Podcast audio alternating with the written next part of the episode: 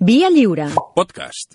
Au village sans prétention, j'ai mauvaise réputation. Que bé que us veig aquí. Uh, Santi Jiménez, Malcom Otero. Bueno, no, ja sé, ja us he, us- us he, sí. ja, ja sé que us he fet una, una punyeta, que és uh, un tema tan emocional com el que sentíem ara, i ara No, de cop... però si s'ha de parlar de aixeca ara, ara prepara't Sí, perquè... sí, no, no, està clar, està clar. aquí, ja, ja són aquí els execrables. tindrem milions, eh? Avui, avui qui és l'execrable? Avui no es pot dir que sigui un execrable express, però una mica sí. Però és a dir, L'execrable... A veure, jo he vist el nom, no és express, però no és express ni de va, broma. Total, fa 472 No, anys que es va morir. express. El debat és express. El debat és express, sí. val, perfecte. Perquè està d'actualitat després de que el president de Mèxic, Miguel Ángel López Obrador, exigís Sí. fa molt poc a Espanya i al seu rei, que, el preparau, que demanin perdó pels crims que van cometre contra els pobles originaris de Mèxic durant la conquesta de fa 500 anys. Fet que ha, poblaça, que ha provocat que Pablo Casado se ponga todo loco. Pablito va loco, Pablito va loco! I que Albert Rivera es pugi per les parets. I com que aquí, aquí a Catalunya i a Espanya no passa res, Sí, mai. què, què hem de buscar? Pues el debat de la conquesta de Mèxic, no? I això torna a estar d'actualitat 500 anys després. I el que és pitjor és a, a historiadors i polítics han tret un arsenal de teories. A veure, uns defensen que aquella conquesta va ser un genocidi basant-se en petits detalls. Petits A detalls. veure, quins són els petits? Pues jo què sé, pues que van aniquilar-se una cultura, que van morir entre 70 i 100 milions de persones, que es van perdre unes mil llengües indígenes, o el 60% del patrimoni cultural de la regió. Altres defensen que no va ser per tant, que no hi ha per tant, que els que vivien a Mèxic eren uns bàrbars que tenien com a passatemps ah, sacrificis humans. I que ara tenen una cultura i una religió com Déu mana i a Ah, Cantinfles. ara. I a Cantinfles, també. També. Vostès jutjaran. O sigui, nosaltres posarem els fets i aquí que la gent, que l'audiència jutgi, no? Vostè jutja. Però en tot cas, el protagonista absolut d'aquesta fita històrica era un personatge indubtablement valent, no es pot negar, cruel, no es pot negar, sense escrúpols, molt intel·ligent, ambiciós, indisciplinat, tumultuari, una fera sexual que a la seva època va estar acusat fins i tot d'assassinar la seva primera dona, Ahir. un dels grans homes de la història per la història d'Espanya. Amb tots vostès, Hernando Cortés de Monroy i Pizarro, Altamirano. Una persona, tot això, tot això és una persona, eh? Conegut a tot, a tot el món simplement com Hernán Cortés. Y construyó castillos Oh. generales. Però si aquest l'hem sentit tota la setmana, és el, Alberto Cortés. Tota la setmana no, la meitat de la setmana. Bueno, però què és això? No és que hem fet un, un execrable Què és aquest hem mal gust? Un, hem fet un preexecrable. Ah. Perquè quan Sí, vam és, posar... ens hem superat a nosaltres O sigui, quan vau mateixos. decidir que posaríeu música d'Alberto Cortés... Era viu. Era, era, Era viu. sabia que estava Bueno, estava viu. pel caldo, però estava viu. Va! No, perquè havien cansat aquesta cançó, de veritat, abans de que morís. Clar, òbviament, quan vam pensar en una música per Hernán Cortés, ens ve al cap Alberto Cortés, mm Mhm. -hmm. eh, que s'escriu en Z, però es diu igual. Que pels de l'ESO era com un Serrat d'Argentina. No creien que fossin família, però no... Amb qui? Amb l'Hernán? Cortés i Cortés. Oh, no Home, descartem no res, eh? tu. No, Sí, no, 500 anys pel Serrat, mig, eh? a veure si ara hem d'anar a buscar-ho. A- Aquests van disseminar bastant Sí, l'ADN. perquè- Ai! Per què? Per què? Perquè el nostre va fer va anar amb la mateixa virulència amb l'espasa de dalt que amb l'espasa de, de baix. Noi, eh? eh, Podria ser, podria ser, Xavi, que tranquil·lament una tercera part de la població americana descendís d'alguna manera dels soldadets literals o figurats del conqueridor espanyol. Mira, Era Hernán que Cortés... teníem un nivell i ja, ja l'hem perdut. Home, hem d'aixecar això. Ai, eh, Hernán Cortés, el nostre, el nostre home d'avui, va néixer a Medellín. Sí. Però no hijo puta, tu. No. El- Noi, però, el- però avui què passa? No el de Narcos. Ja ho sé, Medellín de Narcos no, molt bé. El de Badajoz. Gonorrea. Ah, el de Badajoz. Ah, clar, ah, Ah, clar. Badajoz. Ah, Perquè tu sabies que hi havia un Medellín No, a no Badajoz. ho sabia. Pues Medellín de Colòmbia es diu Medellín Per perquè... culpa del de Badajoz. Per culpa del... Bueno, per culpa... Però deu per- un Badajoz també a Sud-amèrica. Eh, clar, hi ha de tot. A, a Sud-amèrica, de fet, hi ha de tot. Barcelona. Ja, home, clar, hi ha, hi ha de tot. En una família, va néixer en una família de nobles menors. Nobles menors. Són aquests que per guanyar-se la vida ara tindrien que sortir a l'Ola o, o apuntar-se a un partit polític i presentar-se per Barcelona. Vinguts, Vols dir que són- vols dir que no són aristòcrates a- petits, no? Baixets. No, no són... No, són... no, no, no toquem el tema. Però com que aleshores no hi havia revistes del cor ni partits polítics que et posessin aquí per fer candidata del PP per Barcelona, va haver d'anar a fer fortuna al Nuevo Mundo, que és com els espanyols deien que acabaven de descobrir on es veu que es lligaven els gossos amb llonganisses i era molt fàcil progressar econòmicament. Sí, no, era també parent llunyà, parent llunyà de Francisco Pizarro, que res a veure amb el Pizarro, aquest amic de Casado, d'Aznar, i no tant de gas natural. Que va fer el mateix que Cortés, però a Perú.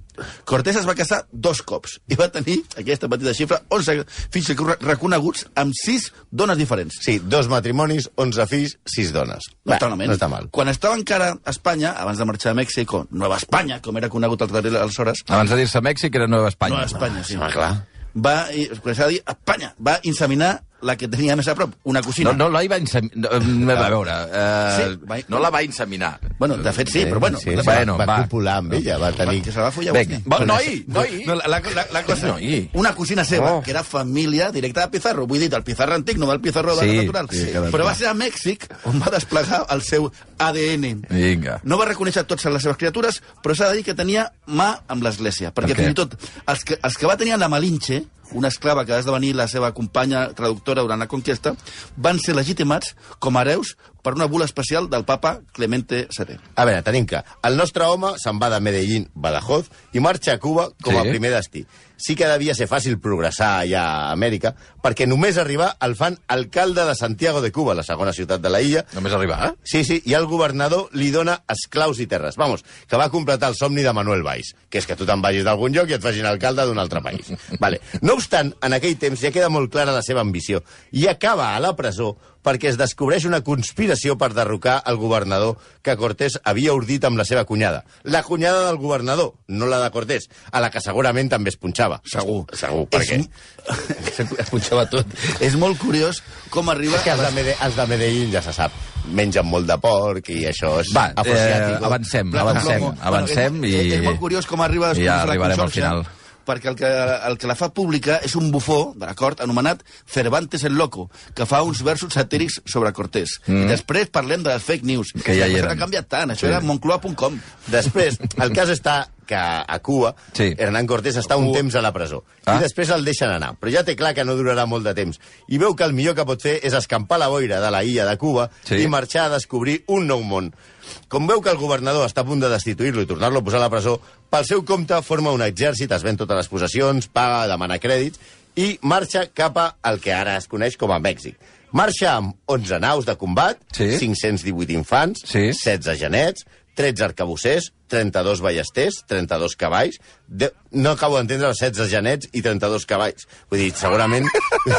Bueno, per si se't- ha, hi ha dos cavalls per tio, però bé, és igual. És igual, si... Deu- deu a veure, canons. eh, qui no té un segon cotxe? Doncs mira, Exacte. segon cavall. A La, la, la residència d'estiu. Vale. Clar, això. Aleshores, 10 canons i 4 falconetes, que els falconetes Eh? no sabeu què és, No. però eren com uns canons més petits, però que també feien molt de mal. Com es pot veure, era una expedició absolutament científica, dedicada a caçar de- papallones i pau. descobrir noves espècies. National Geographic, vamos. I comença la Jacques festa. Cousteau. Què és això? Neil Young cantant una cançó que té que es diu Cortés the Killer. Oh, carai. Per no influir, eh? Una cosa subtil, no? Sí. D'acord, d'acord. Ell seria de la banda dels que no estaria... De... Aquest disc no el té eh, Pablo Casado. Ja, ja, ja, ja, ja. ja. I què va passar? O sigui, ella ar- arriba amb tot aquest armament... Ja, i la cosa va no va començar malament, especialment perquè els primers pobles amb els que es va trobar van ser molt amistosos amb aquells Ah. espanyols que arribaven. Mm -hmm. Cosa que té molt de mèrit, sí. perquè feien una pudor espantosa. Qui? Fins... Els espanyols, Ah. ah. sí, no es rentaven, eren uns guarros de collons. Fins i tot, una de les primeres coses que els indígenes els hi van oferir als espanyols va ser aigua. Ah, per... Has pillat la indirecta? Aigua! Renteu-vos! Hòstia! No, per, no és per veure. Però ho devien fer un somriure, no? Sí, Com dient, no, era Mira, molt tenim aigua aquí. I provisions. Cortés els va acceptar, però a canvi els hi va dir que, hòstia, que no podien anar enlloc amb aquells déus que duraven i, el, i els, va, els va ensenyar unes creus i unes estampetes de la verge i els originaris d'aquell lloc els hi va fer gràcia. Però no tanta com s'imaginava Cortés, que va donar va decidir donar una petita empenta per la conversió al catolicisme d'aquells pobles salvatges i va fer que els seus homes entressin als temples, destrossessin tot allò que no fos d'or i canviessin el déu jaguar per Sant Abelardo i Santa Eloïsa. Home, ja la cosa començava a anar pel pedregar. Sí, l'atac de, de Cortés va ser més o menys la mateixa a mesura que s'anaven dinsant el, en el territori, que amb dos pebrots va batejar, com dèiem, com Nueva Espanya. Ara. Espanya! Espanya! Arribaven a un poble... Arribaven a un poble. Ho devia dir així, Cortés, o no, aquella època? No, devia dir Espanya. de- D'època, no? Espanya, amb Un senyor vestit d'època... Espanya! Espanya, no Espanya! Aleshores, el que feien, arribaven a un poble, els deien que venien en to de pau, els hi feien el rotllo venedor d'enciclopèdies, Sí. però amb el santoral, i miraven si, si hi havia or, i tant si hi havia com si no, se'ls passaven per la pedra, se- el- els senyors, i es passaven, o sigui, les senyores se les passaven per la pedra Sí, tot, i tot. es carregaven els senyors. Això, per exemple, és el que va passar a Potochan i Tabasco. Val a dir que els espanyols en aquells primers moments eren considerats pels indígenes gairebé immortals i invencibles, que entre altres característiques els americans lluitaven gairebé despullats contra una sèrie de soldats veterans, la majoria curtits a les campanyes d'Itàlia, que passaven per ser en aquella època el millor exèrcit del món. No vull dir que ara no siguin el millor exèrcit del món, No, però abans no, tenien més ocasions per demostrar-ho. Llavors era la, era la tormenta, no? A, a, a, a, allò sí que era de tormenta. allò, allò era de tormenta. Tipus amb ballestes, trabuco, trabucos, vull dir l'arma, eh? Va, canons, vinga, avancem. cavalls, armadures que plantejaven les batalles com Messi quan va al Bernabéu. És a dir, amb la xorreca ens Va, les follamos. va, ahí. Després de conquerir i arrasar Tabasco, els espanyols suposo que tenien, tenien, necessitaven crema hemorroidal. Per cert, Tabasco no té res a veure, no és, ni és una salsa mexicana, ni té res a veure amb Però- Mèxic. però- és però una marca com si poses eh, Guadalajara. Tu prens tabasco i després vas a per què re- crema hemorroidal. Bé, era un acudit. Ja està. Ja, ja, ja, entès. Sí. Bueno, els, els, els americans van fer un plantejament que es basaven aquests no hi ha qui els guanyi i fer-nos els enrotllats, Ah. i per això van omplir els espanyols de regals i van regalar a Hernán Cortés 20 esclaves que van ser batejades primer i violades després per tota la tropa. Que vés a saber quin pecat pots cometre si, si violes a un infidel. No, home, no, molt pitjor. No, si està batejada, com a mínim, viola la batejada. Entre aquelles esclaves hi havia, desastre, és absolut. hi havia una dona d'una intel·ligència clarament superior, que es deia Malitzin, Sí. que, i quan la van batejar li van posar eh, Marina, però va passar a la història pel sobrenom de la Malinche. La Malinche va ser la confident, amant, traductora i companya i mare de tres fills d'Hernán Cortés. I la clau per conquerir tot aquell territori. Parlava molts idiomes de, dels que parlaven aquella, aquella, aquella gent i va aprendre de seguida castellà. Va ser la traductora. Sense ella, la conquesta no hagués passat de Tabasco i dels ruscos. Va ser tal la seva col·laboració amb els conqueridors que és una de les figures històriques més denostades de Mèxic. De fet, el seu nom és sinònim de traïdor a la pàtria. I el terme malinchista ha estat més al diccionari de la RAE com, obro cometes, apego a lo extranjero con menosprecio de lo propio. És a dir, Malinche era el figo del segle XVI. Vale? Estem esperant l'entrada de figuista al diccionari, encara que això podria portar De altres figa, connotacions. de, Va, de, de figa, vinga. sí, sí. Que tenim la Malinche i l'Hernán Cortés. Exacte. I gràcies a la Malinche, Sí. que Cortés se n'adona que el territori no acaba d'arribar i que se n'adona que comença el territori Mm. i comença a guanyar les batalles com, com, les batalles com el Barça de, de handball, vull dir que guanya tota la Liga Sobal. Està el, el, el, el, el món me- mex- mexicà ha estat absolutament fragmentant en di- diversos regnes Sí. que es porten a parir entre ells. Clar. Això és molt bo, clar. Però hi ha dues nacions que es porten espacient, especialment malament. Una mena de Sabadell Terrassa. No volem posar-te aquí amb, una, amb, amb la tessitura de Catrís. Jo me'ls estimo molt a tots. Vale. Eren els... Aquí Disman. Aquí, Aquí aquí, Disman. aquí Disman, vale. eren els totonacos i els mexica. Uh -huh. Aquests últims eren els que remanaven les cireres i tenien els primers, els, els primers otoeoprimits Sí. amb la mania aquesta de fer sacrificis humans. Clar, perquè els mexica, quan tenien que fer un sacrifici humà, anaven a buscar els totonaca. Deien, No "Home, s'ag- va, no s'agafaven els seus." Ponte tu, que ja a mi me da la risa. O sigui, anaven a buscar un S'ha dir que altre. aquests, quan jugaven aquest jo- joc de la pilota, el, el, el primi futbol, Sí. si perdies et lleven al cap. És a dir, que, que, Ja, ja, ja, que ja. Mourinho hagués acabat l'any 2009. És igual. Bueno, a Cortés li arriba la notícia que, i comencem amb les paraules rares, a Tecnoctitlan, que és la capital de l'imperi dels Mexica, i no una marca de finestres d'alumini per la cuina, Tenochtitlan, vale? hi ha un tresor increïble, però que aquests els mexica no són com els pobles que han derrotat fins ara. Són una nació molt ben armada, amb un exèrcit, amb una ciutat en la que es calcula que vivien unes 300.000 persones Ui, a l'època, que és al segle XVI, 300.000 persones. Vull dir, que això que eren uns salvatges, eh, cuidado, eh? Ja, ja, eh ja. amb temples, aigua corrent, horts, carreteres, eh, carrers urbanitzats, edificis, i una plaça central que va sorprendre els conqueridors perquè era el doble de gran que la plaça de Salamanca, que en aquella època estava considerada com la plaça més gran de la cristiandat. Mm, però bueno, això estava fora de la cristiandat. Sí, però Clar, dir, com- aquella sort tenien. Més gran que nosaltres? Más grande que Salamanca, más grande que Salamanca. ¿Cómo va a ser más grande Salamanca? Y, se, y arribaban allá y decían, se come mejor en Toledo, hostia. Que como en España aquí estos mexicanos saben hacer la tortilla de patatas, hòstia. Evidentment, per conquerir els mexica, Cortés necessitava els totonacos Ah, els altres. i va engatussar aquests per tal de que s'unissin al seu exèrcit i van marxar sobre Tenochtitlan. Els totonacos estaven fins als dallonsis de l'opressió dels mexica i van veure en els espanyols una bona oportunitat per acabar amb els seus aterns rivals. El que passa és que els mexica estaven governats per un bon afer anomenat... Un primavera, un primavera. Un primavera. Eh, eh, anomenat Moctezuma, que era més aviat partidari de la tercera via, que de la resistència activa. Molts dels seus nobles eren de l'opinió de que s'havia de fer fora els espanyols, però Moctezuma creia que Cortés era un enviat dels déus, després ja se li va passar, eh? concretament, concretament, comencem amb els noms, eh? de Quetzalcoatl. Sí. eh, la serp emplomada, però els emplomats van acabar sent ells. Sí, Ja. sí, sí, si volies emplomament... Tu volies ploma... Tu volies ploma, Moctezuma, espera que ve Cortés. Va tot ploma. Potser va influir també en la tàctica de la cone- coneguda matança de Cholula, on els espanyols es van pelar a 5.000 homes, dones i nens en 5 hores. Millor mirar de pactar que enfrontar-se amb els vengadores. I això què és? Això és Traición a la Mexicana del meravellós grup Zimbabue.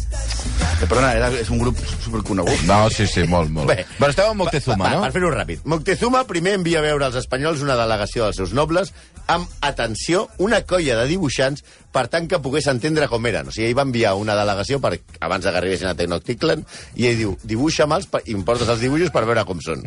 Perquè ell els havia olorat, perquè se'ls olorava de lluny, Home, però això sí. veure'ls, veure'ls no els havia vist I una mai, foto no? no li podies fer, per Clar, tant. i els havia... No, això és veritat, eh? eh? Els hi va fer molts regals. Els hi va donar de menjar i beure. Els va allotjar en el, un dels palaus de la capital.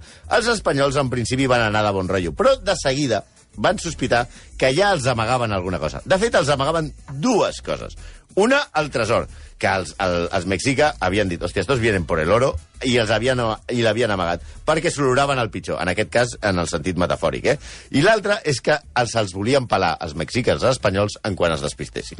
Figo, vull dir, la Malinche, es va assabentar de que els mexiques plantejaven matar els espanyols i es va xivar a Cortés, que va actuar primer i va fer presoner a Moctezuma que no li va quedar un altre que davant el seu poble de dir que tot anava bé i que els espanyols eren una gent molt, molt, molt majos, molt majos. Mentrestant, en una altra part d'Amèrica, a Cuba, Sí. el governador, que és el que l'havia l'havia fet fora, va acusar Cortés de traïdor i va enviar un exèrcit a detenir-lo a Mèxic, perquè el permís, si és que tenia algun permís Cortés, era per explorar Nova Espanya, no per fundar ciutats i sotmetre pobles, creant un contrapoder al que hi havia el governador de Cuba. Cortés s'assabenta de que venen a parell i decideix deixar Tenochtitlan i per anar a fer la guerra contra els altres espanyols. Això de fer la guerra entre espanyols es veu que és una cosa que es posa bastant. Van guanyar Cortés perquè liderava les tropes per apressar-lo. Eh, Sí, el, el governador de Cuba envia a un tio com a comandant de les copes per apressar Cortés a un senyor que es deia Pánfilo Narváez. Pánfilo. O sigui, amb aquest nom no es pot guanyar cap batalla. O sigui, tu no pots dir, hòstia, Pánfilo, coge las cosas y vete a derrotar a Hernán Cortés. Sí, ja està perdut el partit abans de començar. Si et dius Pánfilo, no pots anar a dirigir res, hòstia. La majoria dels que anaven amb Pánfilo, els, els Pánfilo men, es, el traeixen i es passen al bàndol de Cortés a tret, perquè Cortés només arriba i diu si dejáis al Pánfilo, os venís conmigo i jo us donaré totes les riqueses i a més ens, ens punxarem a totes les índies que hi ha Torni. Mentre Cortés li donava pel pèl a, a Pánfilo, pel pèl per dir alguna cosa. Sí, sí, sí. Està entès. deixa, Subtils. deixa, deixa el, el DF, Ciutat de Mèxic, que ja, ja prou ha dit Tenochtitlan, perquè no podré. Eh? Deixa, eh, o sigui, era Tenochtitlan, que dieu, és, és Mèxic DF. Sí, Sí, és on està. el mateix lloc. sí, A partir d'ara li direm DF perquè ja estem Sí, farts de sí, dir ja, aquesta prou, paraula. prou. el, el, I deixa el, Déu, el seu lloctinent, Pedro de Alvarado, una mala bèstia que descobreix on està el tresor i comença a, saque, a saquejar la, la ciutat i comet la coneguda com Matanza del Temple Ma- Mayor, aprofitant la festivitat de A veure, atenció, aquí, ve, aquí venen curves, eh? Toxcal. Toxcalt, en honor a Tezcatlipoca, encara que algunes fonts parlen d'una festivitat en honor, en honor de Huitzilopochtli. I, hosti, no hi ha un curs FEAC de Nahuatl? A veure, a veure, a veure, aquí, aquí tenim la, la clau de tot, eh? Si els espanyols tenen problemes per dir Ramon Llull, Sabadell o Cesc Fàbregas, imagineu la mala llet que els agafava cada cop que preguntaven als mexiques per una direcció o el nom d'un temple. Oiga, usted, ¿esto qué es? No, Huitzilopochtli. Y, hostia, no me lo digas así, así. Si no sé dir cristiano. Què m'estàs... Hábleme en cristiano. Jo crec que aquesta va ser la veritable raó de l'extermini, eh? Després de la, de la matança del temple, els mexiques que quedaven ja van decidir que ja n'hi havia prou de fer el panoli, o el, com, com es deia, o el pàmfilo, Sí. i van Ah. començar a organitzar-se seriosament per acabar amb els espanyols i amb Moctezuma, que era la titella del, del govern. Els moviments tumultuaris eren cada cop més assidus i en una de les manifestacions Moctezuma va sortir a demanar pau al seu poble i el van desgraciar d'un cop de roc. O sigui, va sortir, eh, no, no es peleis, poma, hòstia. I hi ha versions que diuen que el va matar Co- Cortés perquè no feia cap servei, un cop no controlava les muralles humanes, però sembla que la versió més verosímil, més, versemblant, és que va ser que van ser els mateixos mexiques. Mm. O sigui, Moctezuma mort es lia parda. Sí, I va succeir el que es coneix com la Noche Triste. El poble mexi mexica va sitiar els espanyols en un palau fins que se'ls van acabar les provisions i aquests no els va quedar més remei que fugir de nit creuant el llac nedant per salvar la seva vida a la persecució. Els mexiques van comprovar per primer cop que els espanyols no eren immortals. Molts dels soldats van morir ofegats per dos motius. Un, no sabien nada. és un motiu que és una cosa bastant És bastant contundent. Però clar, yo me tiro al agua porque soy de Medellín, Badajoz. Vale. I dos, els que sí sabien nedar van voler carregar tant d'hort a, Oh. a, a les bosses que Boníssim. portaven que van acabar enfonsant-se i ofegant-se. Els que van aconseguir pillar els van arrencar el cor. Descendiente de Cuauhtémoc, Ui, Cuauhtémoc. mexicano hasta los huesos. Si ara els mexiques estan perseguint els espanyols. Exacte. Val. I ara estan liderats ara per Cuauhtémoc. Cuauhtémoc. Que era, que era, que era, el, gen- era el gendre Mhm. de Que- que- Moctezuma. D'acord, d'acord. Que ja saps que hi ha, hi ha aquesta expressió de eh, lo Cortés no quita lo Cuauhtémoc. Va. Cortés va, Y lo Cortés no quita l'assassino. Vinga. Cortés va, va, va refer les seves tropes, va, tor va tornar a, a, als- a cridar els totonacas Sí. sí. i va conquerir de nou eh, de la ciutat de Mèxic, DF. El primer que va fer en entrar a la ciutat va ser torturar a Cuauhtémoc en ferros roents per tal de que digués on estava l'or. Clar, que és l'únic que li interessava. a Eh. Nani, Cuauhtémoc canta ¿Dónde está el oro? i el va deixar invàlid. El va tenir presoner, va violar a la seva dona i quan es va cansar d'ell el va penjar d'un arbre. Bueno, normal. Eh, Cuauhtémoc, ja molestes. Ja està. Amb l'imperi mexicà sota control, els mexiques aniquilats, Cortés va decidir que era l'hora d'anar buscant altres llocs per seguir fent caixa. Havia sentit parlar de les Ibueres, que és l'actual Honduras, on deien que hi havia moltes més riqueses encara. I cap allà se'n va anar, deixant la terra conquerida a càrrec d'una guarnició i els seus aliats, els totonacas. I us preguntareu, els totonacas no van aprofitar per carregar-se els espanyols? Doncs no, perquè entre les novetats que van aportar els conqueridors hi havia una molt especial. Un petit bitxet anomenat virus de la varola, Oh. que va acabar amb el 70% de la població totonaca. Sí, la conquesta de Mèxic va ser Dumbo, però la versió d'ara, no la d'abans, comparat amb les expedicions a les I- Ibueres i a Califòrnia, on els eh, lloctinents de Cortés, uns animals anomenats Fortún Jiménez i Diego de Becerra, van cometre les més grans animalades, fins al punt que el primer va acabar assassinant el segon mentre dormien. Bueno, bàsicament, Que soy compañero. Sí, cuidado, al suelo que vienen los nuestros. Bàsicament el tour, segons relaten els fran- franciscans, que és que l'acompanyaven i feien les cròniques, va consistir en matar indígenes i violar a totes les dones que es trobaven. Las crónicas dels capellans afirman que a Oruceta los hombres veían a las mujeres semidesnudas y a causa de la vigilia las tomaron por la fuerza. Es que las visten A como causa in- de la vigilia, a causa de que eras un cabrón. No, és que les visten com indígenes. Cortés torna a Espanya el 1541, 23 anys després de posar per primer cop el peu a la península de Yucatán. 23 anys va estar allà el tio. Mor sis anys després a Espanya, quan preparava el seu retorn per reclamar el seu títol de marquès del Valle de Oaxaca, que li havia atorgat al rei d'Espanya, que va ser bastant cabronet amb ell. Cortés va ser el que va conquerir el territori que va des de la península del Yucatán fins a Califòrnia, per la corona espanyola. I quan l'emperador Carles I d'Espanya, Quinto d'Alemanya, etc etc, ho va tenir tot, va fer virrei del territori a Antonio de Mendoza i Pacheco, un enxufau, cosa que Hernán Cortés li va sentar com un tiro.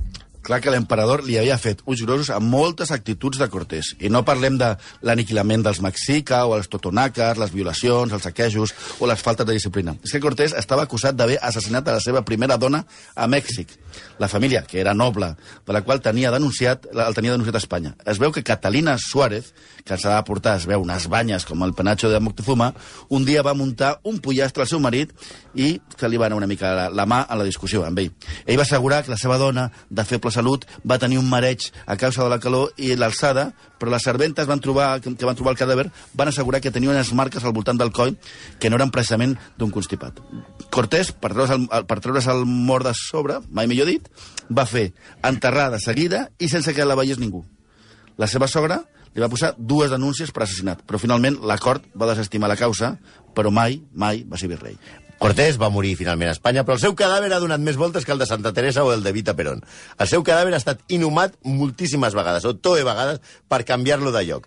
Ell va deixar el testament que volia ser sepultat a l'església de l'Hospital de Jesús el Nazareno a la ciutat de Mèxic, on ell, que ell havia fundat aquest hospital. Però també ha estat a Coyoacán, a Texcoco, que no és una benzinera, al convent de San Francisco i altres llocs. I és que a Mèxic, diguem-ne que la memòria de Cortés no és que sigui massa respectada ni massa estimat. De fet, les, hi ha molt poques estàtues de Hernán Cortés a Mèxic. La seva tomba està un altre cop ara a la capella de l'Hospital de Jesús el Nazareno, a la capital de Mèxic, on un home anomenat, és molt modesta, ha, és, és com, una, com una mena de cofre, on simplement posa Herna, Hernando Cortés.